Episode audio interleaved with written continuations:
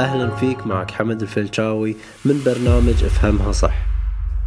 قبل تكون الحياة ونشأتها كانت موجودة المادة عديمة الشكل أو اللي نقول عنها اليوم الطاقة. هذا الكون كله يتكون منها وهذه الطاقة ما تخلص ودائما تكون في تجدد وهي مسخرة للإنسان. وهذه الطاقة تدخل بتكوين أي شيء يشوفه بالعالم. إنزين هذا شنو علاقته بالثراء؟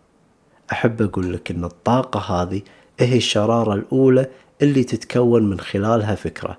وهذه الفكرة لو تعاملت مع عمليات العقل بطريقة دقيقة وذكية راح تقدر تحول هذه الفكرة إلى ثراء. هذا الشيء اللي قاعد أقوله لكم اليوم ما كنت أعرفه أنا من قبل سنوات وكنت متوقع أن الثراء ما له علاقة بالطاقة. وكان دايما في خيالي أن الثراء يجيب الادخار والعمل الشاق. بس واللي اكتشفته أن لما بديت أتخلى عن أفكاري اللي ما حققت الثراء وبديت أتعلم أساسيات مشوا عليها كل الأثرياء عرفت أن أساسه طاقة هو مو ورق ولا شيء مادي الشيء المادي هو نتيجة تكون وتجمع الطاقة علشان يطلع لك بهذه الصورة.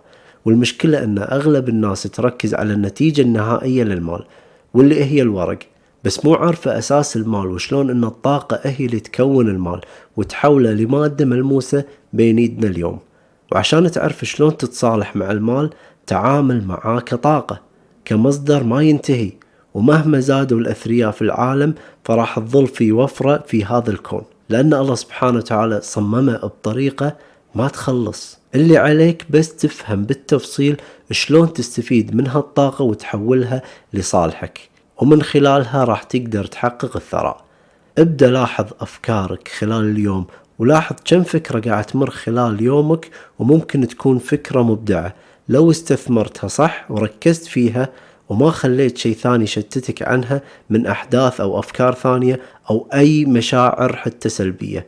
إذا خصصت من يومك كل يوم فترة تركز فيها على أفكارك وتتصل مع طاقة الكون أنت هني شبكت مع مصدر الثراء اللي من خلاله راح تعرف أسرار عن القوة العظيمة اللي بداخلك واللي تخليك في استقبال دايم لمصادر الخير والوفرة والثراء بهذا العالم.